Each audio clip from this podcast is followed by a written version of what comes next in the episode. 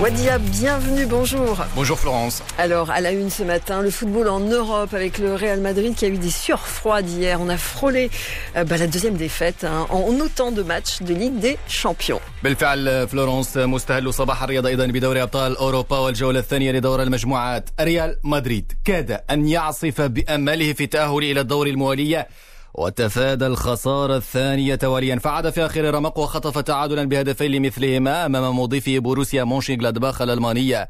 فبعد هدفي الفرنسي تورام لصالح الفريق الألماني انتظر الميرينغي الدقيقة السابعة والثمانين لتقليص الفارق عبر كريم بنزيما قبل أن ينقذ كاسيميرو الريال في الوقت الضائع بهدف التعديل. وتعقد موقف ريال مدريد في هذه المجموعة التي يتذيلها بنقطة واحدة بعد تعادل إنتر ميلان ومضيف شختار دونيتسك الأوكرانية من دون أهداف. من جهته واصل بايرن ميونخ الألماني سلسلة انتصاراته المتوالية واسقط مضيفه لوكوموتيف الروسية بهدفين لهدف واحد. في المجموعة ذاتها حقق أتلتيكو مدريد الإسباني فوزا صعبا على ضيفه سالزبورغ النمساوية بثلاثة أهداف لهدفين كما حقق ليفربول فوزه الثاني تواليا أيضا على ميديتلاند الدنماركي بهدفين نظيفين. وفي مباراة ثانية ضمن المجموعة عينها تعادل أتلانتا الإيطالي أمام أياكس بهدفين لمثلهما وعاد مانشستر سيتي من ملعب مارسيليا الفرنسية فوزه الثاني بثلاثية نظيفة في حين تفوق بورتو البرتغالي على أولمبياكوس اليوناني بهدفين نظيفين. اليوم تشهد الأنظار مستمعين الأوفياء صوب قمة نارية دائما لحساب الجولة الثانية من دوري أبطال أوروبا دور المجموعات قمة يوفنتوس وضيفه برشلونة. التي من المرتقب أن يغيب عنها البرتغالي كريستيانو رونالدو بعدما أكدت تقارير صحفية أنه ما يزال مصابا بفيروس كورونا. الفائز في هذا اللقاء سيتصدر هذه المجموعة التي سيلعب فيها فيرينكفاروزي المجري ضد دينامو كييف الأوكرانية. وفي باقي أبرز مواجهات اليوم مانشستر يونايتد الإنجليزي يستقبل لايبزيتش الألمانية وفي المجموعة ذاتها باريس سان جيرمان الفرنسي يرحل لملاقاة باشاك شهير التركية. أما إشبيليا فيستقبل رين الفرنسي وتشيلسي الإنجليزي يلعب ضد المضيف كراسنودار الروسية. إلى إسبانيا بعد صراع طويل مع اللاعبين في مقدمتهم ليونيل ميسي. استسلم رئيس برشلونة جوزيب ماريا بارتوميو أمام العاصفة. أعلن أمس استقالته رسميا من رئاسة النادي الكتالوني وكذا استقالة جميع أعضاء مجلس الإدارة.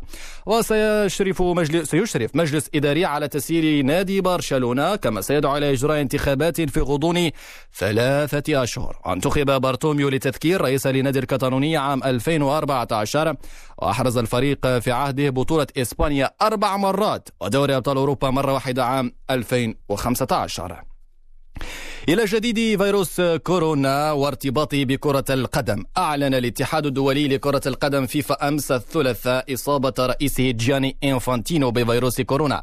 وقال الفيفا إن إنفانتينو ظهرت عليه أعراض طفيفة وعزل نفسه ذاتيا وسيبقى في الحجر الصحي لعشرة أيام على الأقل. وتأتي إصابة رئيس الفيفا وسط ارتفاع حالات كورونا في جميع أنحاء أوروبا بما في ذلك سويسرا حيث يوجد مقر الفيفا. إذا مستمعينا الكرام نواصل هذه المرة ودائما في صفحة كرة القدم المغربية في الوقت الذي كان يستعد فيه فريق مولودية وجدة لتدشين تدريبه استعدادا للموسم الكروي المقبل. جاء فيروس كورونا لتوقيف كافة أنشطته الرياضية بعد بعد تسجيل سبع إصابات مؤكدة بكوفيد 19 موزعة بين اللاعبين والطاقمين التقني والإداري وخضوع الجميع للحجر الصحي إلى غاية إجراء مسحة طبية جديدة. وجه نادي الوداد الرياضي رسالة وداع لعميده إبراهيم النقاش بعد انتهاء عقده وعدم تجديد له وذلك بعد ست سنوات من العطاء رفقة الفريق الأحمر. حقق خلال العديد من الألقاب المحلية والقارية أبرزها تحقيق لقب دوري أبطال إفريقيا للعام 2017 وثلاثة ألقاب في الدوري المغربي.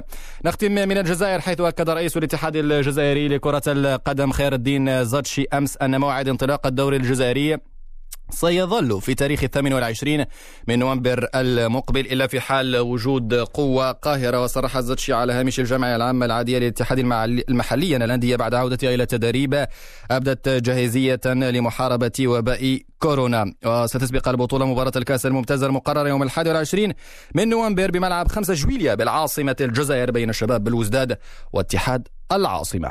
بهذا مستمعينا الكرام نكون قد بلغنا آخر محطات عدد اليوم من صباح الرياضة. بعد لحظات تواصلون باقي فقرات لوماتانفو رفقة فلورنس بلون.